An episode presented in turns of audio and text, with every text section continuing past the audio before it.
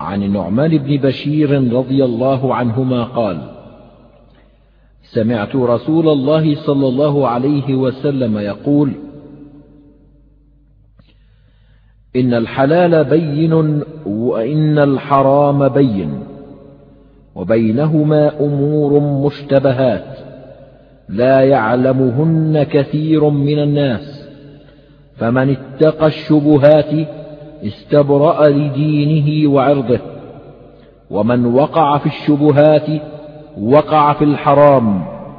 كالراعي يرعى حول الحمى. يوشك أن يرتع فيه. ألا وإن لكل ملك حمى. ألا وإن حمى الله محارمه. ألا وإن في الجسد مضغة. إذا صلحت صلح الجسد كله وإذا فسدت فسد الجسد كله ألا وهي القلب.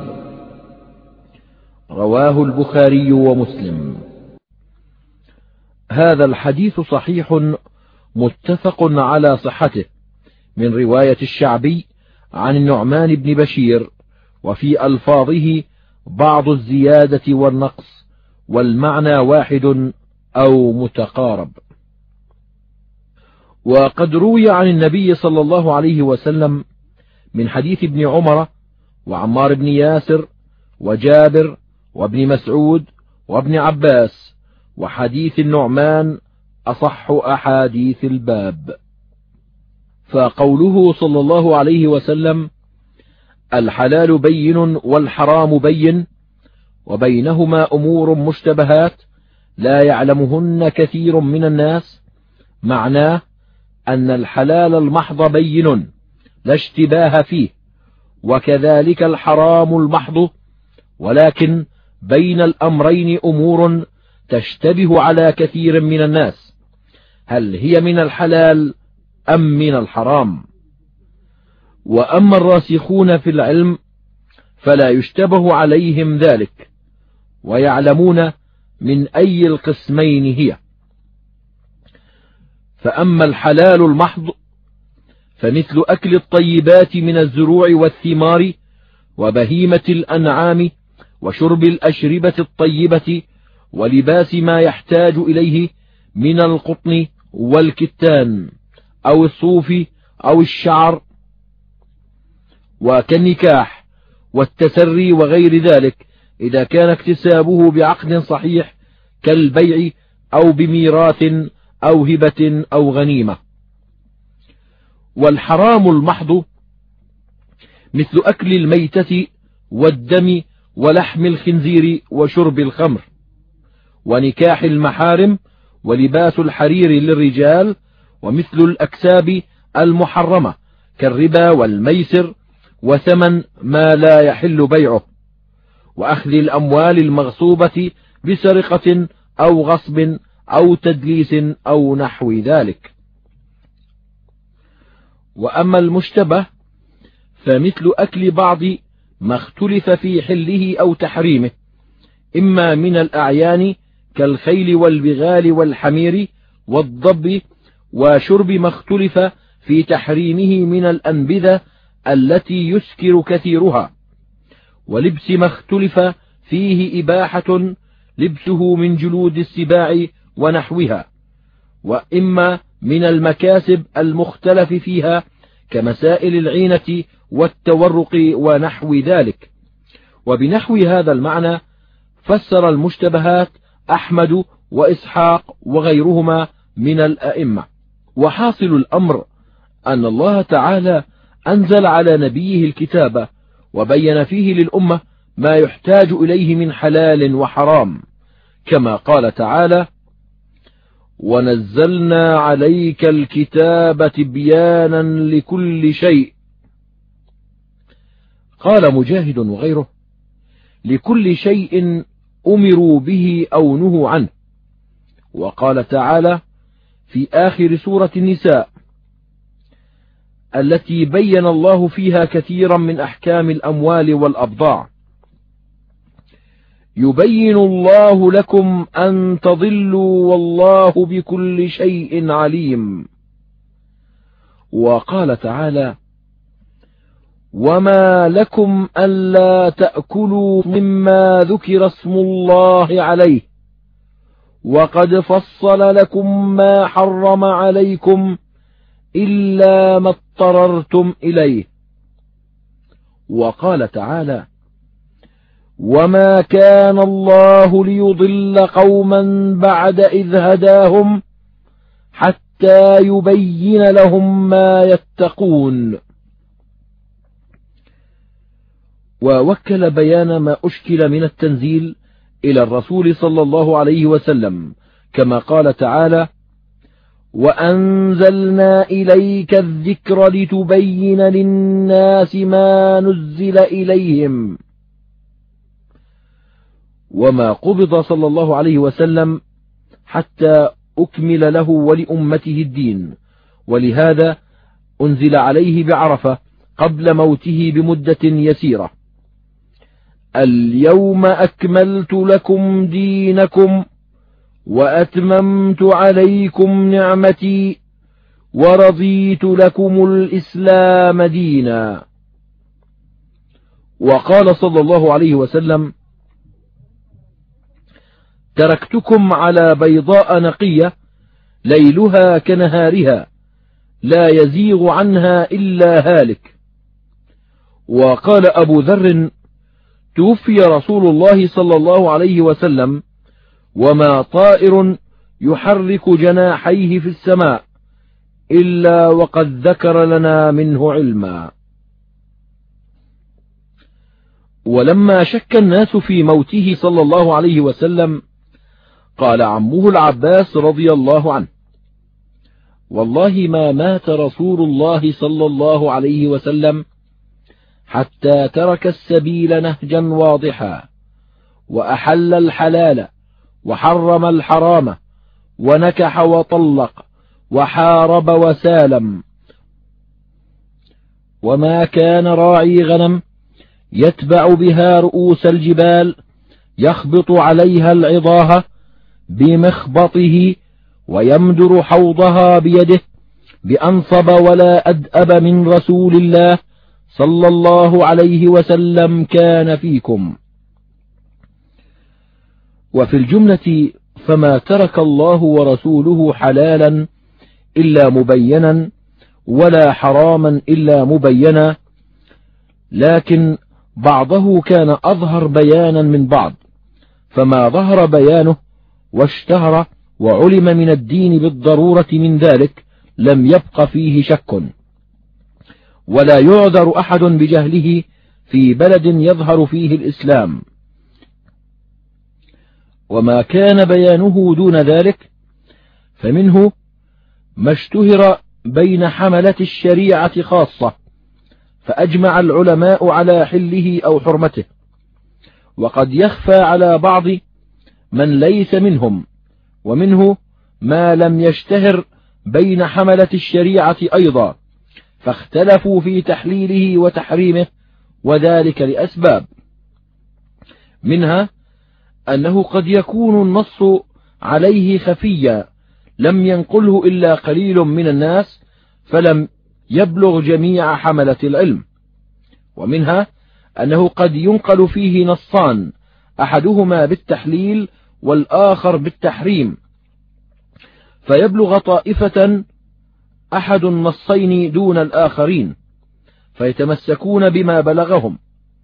أو يبلغ النصان معا من لم يبلغه التاريخ فيقف لعدم معرفته بالناسخ. ومنها ما ليس فيه نص صريح وإنما يؤخذ من عموم أو مفهوم أو قياس. فتختلف أفهام العلماء في هذا كثيرا. ومنها ما يكون فيه أمر أو نهي فتختلف العلماء في حمل الأمر على الوجوب أو الندب وفي حمل النهي على التحريم أو التنزيه وأسباب الاختلاف أكثر مما ذكرنا. ومع هذا فلا بد في الأمة من عالم يوافق قوله الحق فيكون هو العالم بهذا الحكم وغيره يكون الأمر مشتبها عليه ولا يكون عالما بهذا. فإن هذه الأمة لا تجتمع على ضلالة ولا يظهر أهل باطلها على أهل حقها. فلا يكون الحق مهجورا غير معمول به في جميع الأمصار والأعصار. ولهذا قال رسول الله صلى الله عليه وسلم في المشتبهات لا يعلمهن كثير من الناس. فدل على أن من الناس من يعلمها وإنما هي مشتبه على من لم يعلمها وليست مشتبهة في نفس الأمر. فهذا هو السبب المقتضي لاشتباه بعض الأشياء على كثير من العلماء. وقد يقع الاشتباه في الحلال والحرام بالنسبة إلى العلماء وغيرهم من وجه آخر. وهو أن من الأشياء ما يعلم سبب حله وهو الملك المتيقن ومنها ما يعلم سبب تحريمه وهو ثبوت ملك الغير عليه. فالأول لا تزول إباحته إلا بيقين زوال الملك عنه. اللهم إلا في الأبضاع عند من يوقع الطلاق بالشك فيه كمالك أو إذا غلب على الظن وقوعه كإسحاق بن راهويه. والثاني لا يزول تحريمه إلا بيقين العلم بانتقال الملك فيه. وأما ما لا يعلم له أصل ملك كما يجده الإنسان في بيته ولا يدري هل هو له أو لغيره فهذا مشتبه ولا يحرم عليه تناوله لأن الظاهر أن ما في بيته ملكه لثبوت يده عليه والورع اجتنابه. فقد قال النبي صلى الله عليه وسلم إني لأنقلب إلى أهلي فأجد التمرة ساقطة على فراشي فأرفعها لآكلها ثم أخشى أن تكون صدقة فألقيها. خرجاه في الصحيحين. فإن كان هناك من جنس المحظور وشك هل هو منه أم لا قويت الشبهة.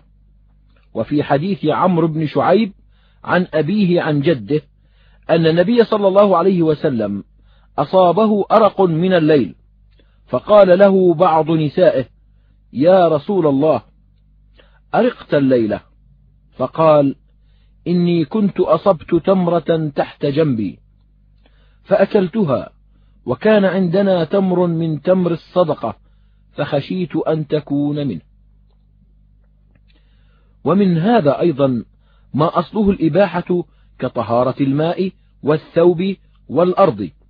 إذا لم يتيقن زوال أصله فيجوز استعماله وما أصله الحظر كالإبضاع ولحوم الحيوان. فلا يحل إلا بيقين حله من التذكية والعقد. فإن تردد في شيء من ذلك لظهور سبب آخر رجع إلى الأصل فبنى عليه. فيبني فيما أصله الحرمة على التحريم. ولهذا نهى النبي صلى الله عليه وسلم عن أكل الصيد الذي يجد فيه الصائد أثر سهم غير سهمه أو كلب غير كلبه أو يجده قد وقع في ماء. وعلل بأنه لا يدرى هل مات من السبب المبيح له أو من غيره ويرجع فيما أصله الحل إلى الحل. فلا ينجس الماء والأرض والثوب بمجرد ظن النجاسة وكذلك البدن إذا تحقق طهارته. وشك هل انتقضت بالحدث عند جمهور العلماء خلافا لمالك رحمه الله إذا لم يكن قد دخل في الصلاة؟ وقد صح عن النبي صلى الله عليه وسلم أنه شكي إليه الرجل يخيل إليه أنه يجد الشيء في الصلاة فقال لا ينصرف حتى يسمع صوتا أو يجد ريحا. وفي بعض الروايات في المسجد بدل الصلاة. وهذا يعم حال الصلاة وغيرها فإن وجد سبب قوي يغلب معه على الظن نجاسة ما أصله الطهارة مثل أن يكون الثوب يلبسه كافر لا يتحرز من النجاسات فهذا محل اشتباه. فمن العلماء من رخص فيه أخذا بالأصل ومنهم من كرهه تنزيها ومنهم من حرمه إذا قوي ظن النجاسة مثل أن يكون الكافر ممن لا تباح ذبيحته أو يكون ملاقيا لعورته كالسراويل والقميص. وترجع هذه المسائل وشبهها إلى قاعدة تعارض الأصل والظاهر. فإن الأصل الطهارة والظاهر النجاسة وقد تعارضت الأدلة في ذلك. فالقائلون بالطهارة يستدلون بأن الله أحل طعام أهل الكتاب وطعامهم إنما يصنعونه بأيديهم في أوانيهم. وقد أجاب النبي صلى الله عليه وسلم دعوة يهودي وكان هو أصحابه يلبسون ويستعملون ما يجلب إليهم مما نسجه الكفار من الثياب والأواني. وكانوا في المغازي يقتسمون ما وقع لهم من الأوعية والثياب ويستعملونها. وصح عنهم أنهم استعملوا الماء من مزادة مشركة. والقائلون بالنجاسة يستدلون بأنه صح عن النبي صلى الله عليه وسلم أنه سئل عن آنية أهل الكتاب الذين يأكلون الخنزير ويشربون الخمر. فقال إن لم تجدوا غيرها فاغسلوها بالماء ثم كلوا فيها. وقد فسر الإمام أحمد الشبهة بأنها منزلة بين الحلال والحرام يعني الحلال المحض والحرام المحض. وقال من اتقاها فقد استبرأ لدينه وفسرها تارة باختلاط الحلال والحرام. ويتفرع على هذا معاملة من في ماله حلال وحرام مختلط. فإن كان أكثر ماله الحرام فقال أحمد ينبغي أن يجتنبه إلا أن يكون شيئا يسيرا أو شيئا لا يعرف واختلف أصحابنا هل هو مكروه أو محرم على وجهين. وإن كان أكثر ماله الحلال جازت معاملته والأكل من ماله. وقد روى الحارث عن علي أنه قال في جوائز السلطان لا بأس بها ما يعطيكم من الحلال أكثر مما يعطيكم من الحرام. وكان النبي صلى الله عليه وسلم وأصحابه يعاملون المشركين وأهل الكتاب مع علمهم بأنهم لا يجتنبون الحرام كله. وإن اشتبه الأمر فهو شبهة والورع تركه. قال سفيان لا يعجبني ذلك وتركه أعجب إلي. وقال الزهري ومكحول لا بأس أن يؤكل منه ما لم يعرف أنه حرام بعينه فإن لم يعلم في ماله حرام بعينه ولكنه علم أن فيه شبهة فلا بأس بالأكل منه نص عليه أحمد في رواية حنبل. وذهب إسحاق بن راهويه إلى ما روي عن ابن مسعود وسلمان وغيرهما من الرخصة. وإلى ما روي عن الحسن وابن سيرين في إباحة الأخذ مما يقضي من الربا والقمار نقله عنه ابن منصور. وقال الإمام أحمد في المال المشتبه حلاله بحرامه. إن كان المال كثيرا أخرج منه قدر الحرام. وتصرف في الباقي وإن كان المال قليلا اجتنبه كله وهذا لأن القليل إذا تناول منه شيئا فإنه تبعد معه السلامة من الحرام بخلاف الكثير.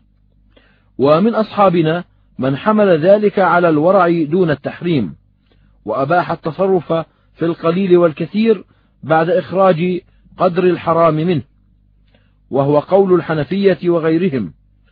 وأخذ به قوم من أهل الورع منهم بشر الحافي. ورخص قوم من السلف في الأكل ممن يعلم في ماله حرام ما لم يعلم أنه من الحرام بعينه كما تقدم عن مكحول والزهري وروي مثله عن الفضيل بن عياض. وروي في ذلك آثار عن السلف فصح عن ابن مسعود أنه سئل عمن له جار يأكل الربا علانية ولا يتحرج من مال خبيثة يأخذه يدعوه إلى طعامه. قال أجيبوه فإنما المهنأ لكم والوزر عليه. وفي رواية أنه قال لا أعلم له شيئا إلا خبيثا أو حراما. فقال أجيبوه. وقد صحح الإمام أحمد هذا عن ابن مسعود ولكنه عارضه بما روي عنه أنه قال الإثم حواز القلوب. وروي عن سلمان مثل قول ابن مسعود الأول وعن سعيد بن جبير والحسن البصري ومورق العجلي وإبراهيم النخعي وابن سيرين وغيرهم والآثار بذلك موجودة في كتاب الأدب. لحميد بن زنجويه وبعضها في كتاب الجامع للخلال وفي مصنفي عبد الرزاق وابن أبي شيبة وغيرهم. ومتى علم أن عين الشيء حرام أخذ بوجه محرم. فإنه يحرم تناوله. وقد حكى الإجماع على ذلك ابن عبد البر وغيره. وقد روي عن ابن سيرين في الرجل يقضي من الربا. قال لا بأس به. وعن الرجل يقضى من القمار. قال لا بأس به. خرجه الخلال بإسناد صحيح. وروي عن الحسن خلاف هذا. وأنه قال إن هذه المكاسب قد فسدت فخذوا منها شبه المضطر. وعرض المروي عن ابن مسعود وسلمان ما روي عن أبي بكر الصديق أنه أكل طعاما ثم أخبر أنه من حرام فاستقاءه. وقد يقع الاشتباه في الحكم لكون الفرع مترددا بين أصول تجتذبه كتحريم الرجل زوجته فإن هذا متردد بين تحريم الظهار الذي ترفعه الكفارة الكبرى وبين تحريم الطلقة الواحدة بانقضاء عدتها الذي تباح معه الزوجة بعقد جديد. وبين تحريم الطلاق الثلاث الذي لا تباح معه الزوجة بدون زوج وإصابة وبين تحريم الرجل عليه ما أحله الله له من الطعام والشراب الذي لا يحرمه. وإنما يوجب الكفارة الصغرى أو لا يوجب شيئا على الاختلاف في ذلك.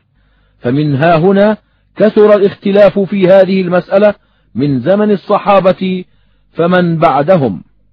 وبكل حال فالأمور المشتبهة التي لا يتبين أنها حلال ولا حرام لكثير من الناس كما أخبر به النبي صلى الله عليه وسلم. قد يتبين لبعض الناس أنها حلال أو حرام لما عنده من ذلك من مزيد علم. وكلام النبي صلى الله عليه وسلم يدل على أن هذه المشتبهات من الناس من يعلمها وكثير منهم لا يعلمها فدخل في من لا يعلمها نوعان. أحدهما من يتوقف فيها لاشتباهها عليه والثاني من يعتقدها على غير ما هي عليه ودل كلامه على أن غير هؤلاء يعلمها ومراده أنه يعلمها على ما هي عليه في نفس الأمر من تحليل أو تحريم.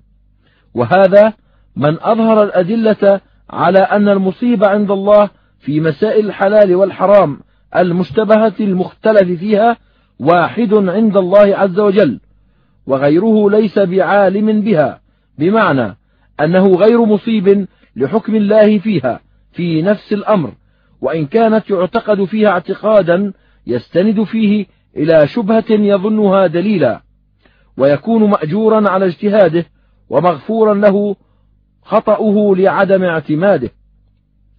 وقوله صلى الله عليه وسلم فمن اتقى الشبهات فقد استبرأ لدينه وعرضه ومن وقع في الشبهات وقع في الحرام.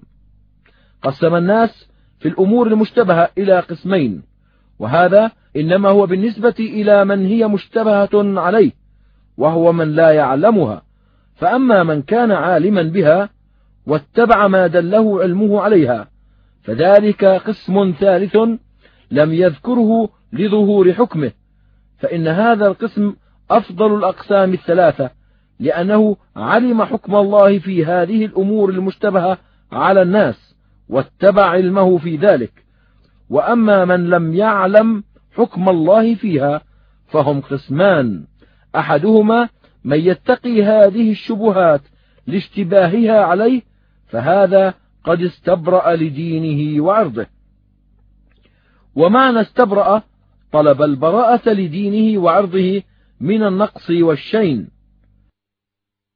والعرض هو موضع المدح والذم من الإنسان وما يحصل له بذكره بالجميل مدح وبذكره بالقبيح قدح.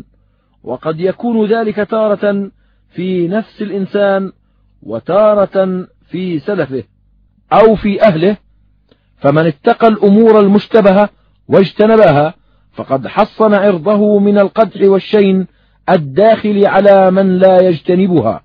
وفي هذا دليل على أن من ارتكب الشبهات فقد عرض نفسه للقدح فيه والطعن كما قال بعض السلف من عرض نفسه للتهم فلا يلومن من أساء به الظن.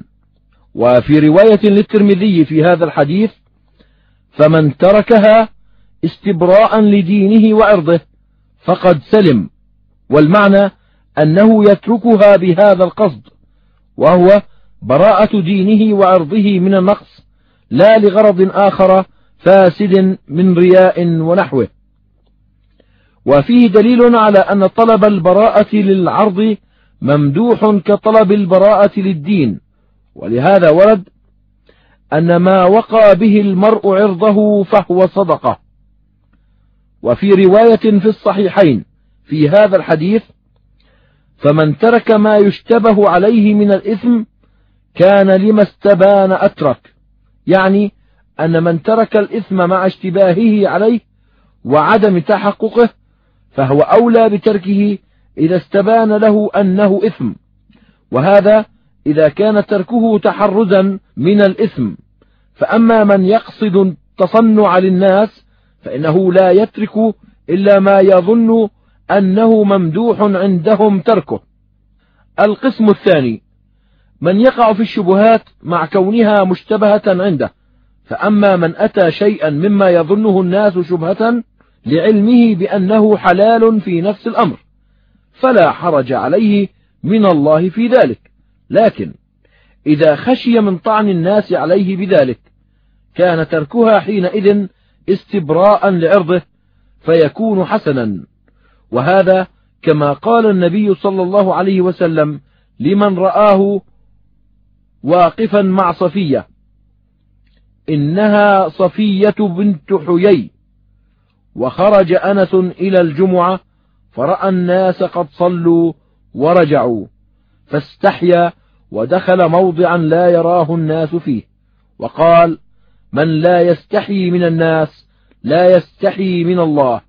وخرجه الطبراني مرفوعا ولا يصح.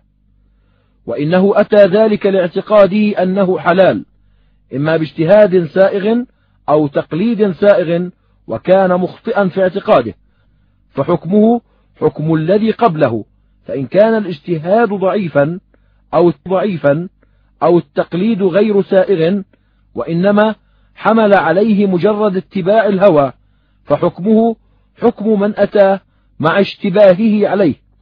والذي يأتي الشبهات مع اشتباهها عليه فقد أخبر عنه النبي صلى الله عليه وسلم أنه وقع في الحرام. وهذا يفسر بمعنيين. أحدهما أنه يكون ارتكابه للشبهة مع اعتقاده أنها شبهة ذريعة إلى ارتكابه الحرام الذي يعتقد أنه حرام بالتدريج والتسامح.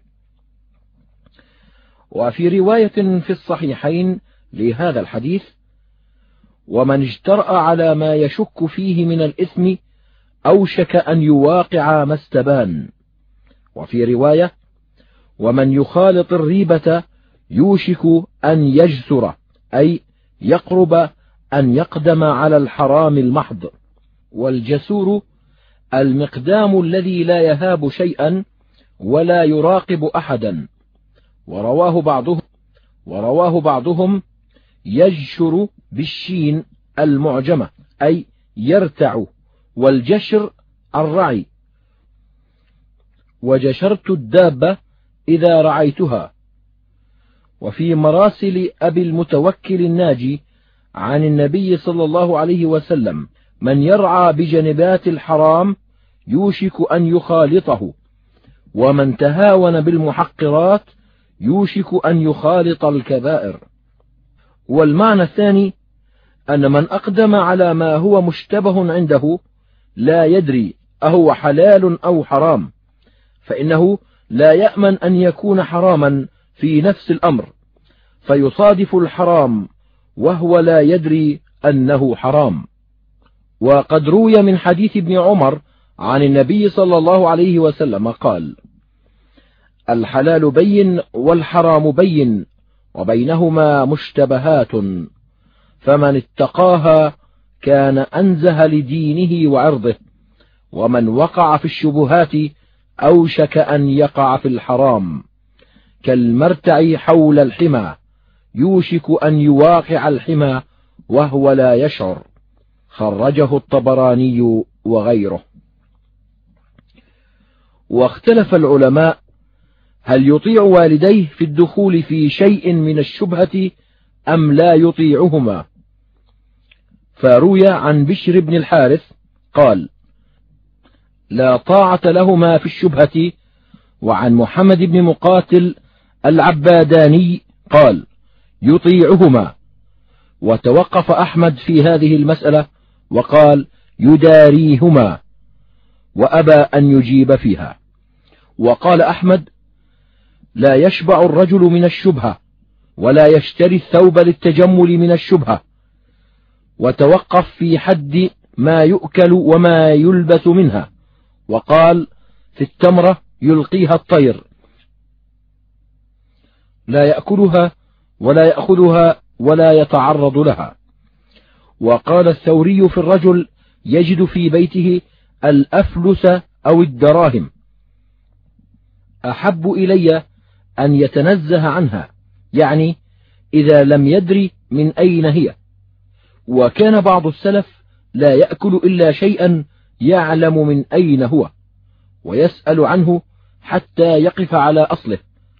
وقد روي في ذلك حديث مرفوع إلا أن فيه ضعفا وقوله صلى الله عليه وسلم كالراعي يرعى حول الحمى يوشك أن يرتع فيه ألا وإن لكل ملك حمى وإن حمى الله محارمه.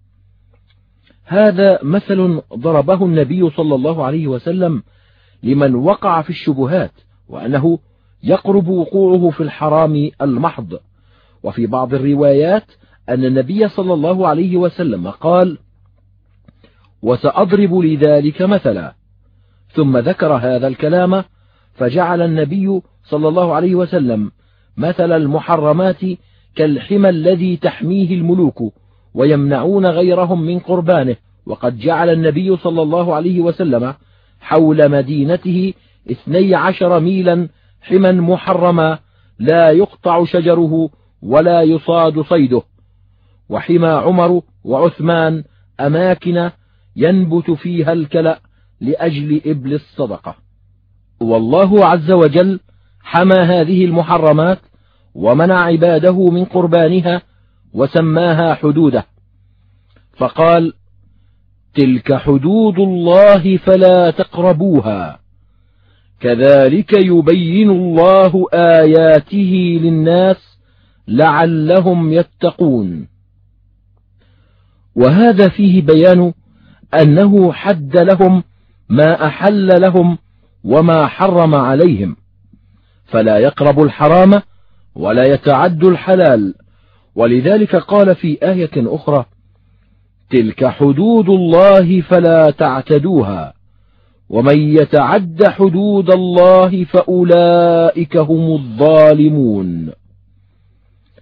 وجعل من يرعى حول الحمى وقريبا منه جديرا بأن يدخل الحمى ويرتع فيه فكذلك من تعدى الحلال ووقع في الشبهات فإنه قد قارب الحرام غاية المقاربة فما أخلقه بأن يخالط الحرام المحض ويقع فيه. وفي هذا إشارة إلى أنه ينبغي التباعد عن المحرمات وأن يجعل الإنسان بينه وبينها حاجزا. وقد خرج الترمذي وابن ماجه من حديث عبد الله بن يزيد عن النبي صلى الله عليه وسلم قال لا يبلغ العبد أن يكون من المتقين حتى يدع ما لا بأس به حذرا مما به بأس. وقال أبو الدرداء تمام التقوى أن يتقي الله العبد حتى يتقيه من مثقال ذرة وحتى يترك بعض ما يرى أنه حلال خشية أن يكون حراما حجابا بينه وبين الحرام. وقال الحسن ما زالت التقوى بالمتقين حتى تركوا كثيرا من الحلال مخافة الحرام. وقال الثوري إنما سموا المتقين لأنهم اتقوا ما لا يتقى. وروي عن ابن عمر قال إني لأحب أن أدع بيني وبين الحرام سترة من الحلال لا أخرقها. وقال ميمون بن مهران لا يسلم للرجل الحلال حتى يجعل بينه وبين الحرام حاجزا من الحلال.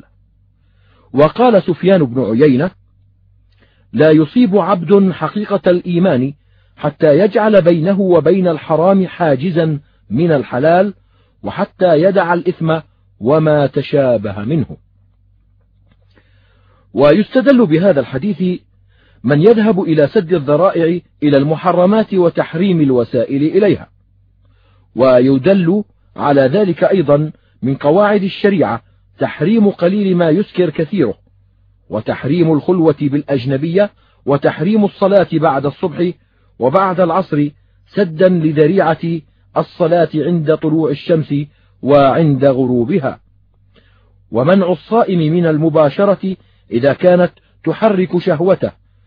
ومنع كثير من العلماء مباشرة الحائض فيما بين سرتها وركبتها إلا من وراء حائل كما كان النبي صلى الله عليه وسلم يأمر امرأته إذا كانت حائضا أن تتزر فيباشرها من فوق الإزار.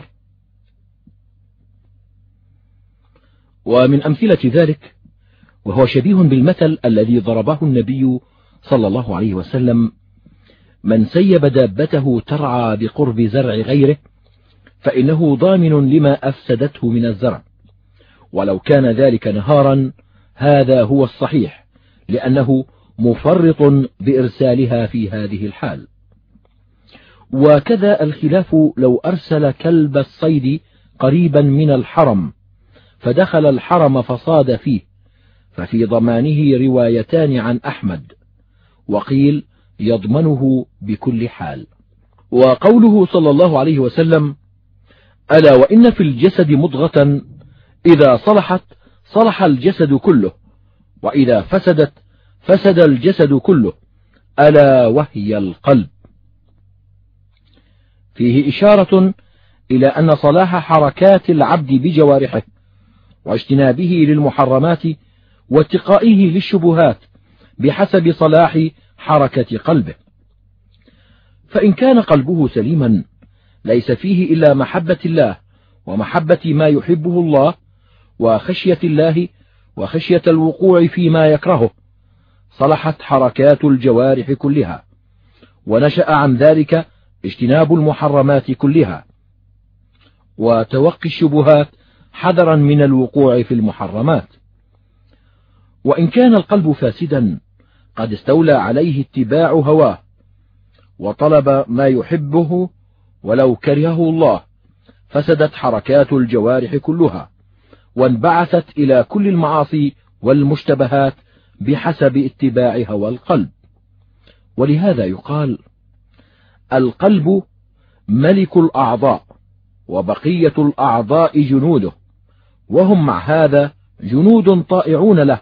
منبعثون في طاعته وتنفيذ أوامره لا يخالفونه في شيء من ذلك. فإن كان الملك صالحا كانت هذه الجنود صالحة.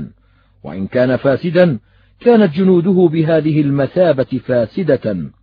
ولا ينفع عند الله إلا القلب السليم. كما قال تعالى يوم لا ينفع مال ولا بنون إلا من أتى الله بقلب سليم. وكان النبي صلى الله عليه وسلم يقول في دعائه أسألك قلبا سليما.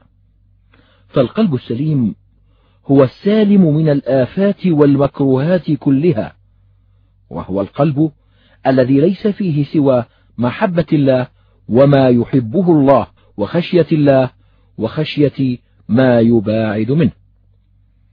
وفي مسند الإمام أحمد عن أنس عن النبي صلى الله عليه وسلم قال لا يستقيم إيمان عبد حتى يستقيم قلبه. والمراد باستقامة إيمانه استقامة أعمال جوارحه فإن أعمال الجوارح لا تستقيم إلا باستقامة القلب. ومعنى استقامة القلب أن يكون ممتلئا من محبة الله ومحبة طاعته وكراهة معصيته. قال الحسن لرجل داوي قلبك فإن حاجة الله إلى العباد صلاح قلوبهم يعني أن مراده منهم ومطلوبه صلاح قلوبهم. فلا صلاح للقلوب حتى تستقر فيها معرفة الله وعظمته ومحبته وخشيته ومهابته ورجاؤه والتوكل عليه وتمتلئ من ذلك وهذا هو حقيقة التوحيد وهو معنى لا إله إلا الله فلا صلاح للقلوب حتى يكون إلهها الذي تألهه وتعرفه وتحبه وتخشاه هو الله وحده لا شريك له. ولو كان في السماوات والأرض إله يؤله سوى الله لفسدت بذلك السماوات والأرض كما قال تعالى لو كان فيهما آلهة إلا الله لفسدتا. فعلم بذلك أنه لا صلاح للعالم العلوي والسفلي معا حتى تكون حركات أهلها كلها لله. وحركات الجسد تابعة لحركة القلب وإرادته. فإن كانت حركته وإرادته لله وحده فقد صلح وصلحت حركات الجسد كله. وإن كانت حركة القلب وإرادته لغير الله تعالى فسد وفسدت حركات الجسد بحسب فساد حركة القلب. وروى الليث عن مجاهد في قوله تعالى لا تشركوا به شيئا. قال لا تحبوا غيري. وفي صحيح الحاكم عن عائشة عن النبي صلى الله عليه وسلم قال الشرك أخفى من دبيب الذر على الصفا في الليلة الظلماء وأدناه أن تحب على شيء من الجور وأن تبغض على شيء من العدل. وهل الدين إلا الحب والبغض؟ قال الله عز وجل قل إن كنتم تحبون الله فاتبعوني يحببكم الله. فهذا يدل على أن محبة ما يكرهه الله وبغض ما يحبه متابعة للهوى والموالاة على ذلك والمعاداة عليه من الشرك الخفي. ويدل على ذلك قوله قل إن كنتم تحبون الله فاتبعوني يحببكم الله. فجعل الله علامة الصدق في محبته اتباع رسوله فدل على أن المحبة لا تتم بدون الطاعة والموافقة. قال الحسن قال أصحاب النبي صلى الله عليه وسلم يا رسول الله إنا نحب ربنا حبا شديدا فأحب الله أن يجعل لحبه علما فأنزل الله هذه الآية. قل إن كنتم تحبون الله فاتبعوني يحببكم الله.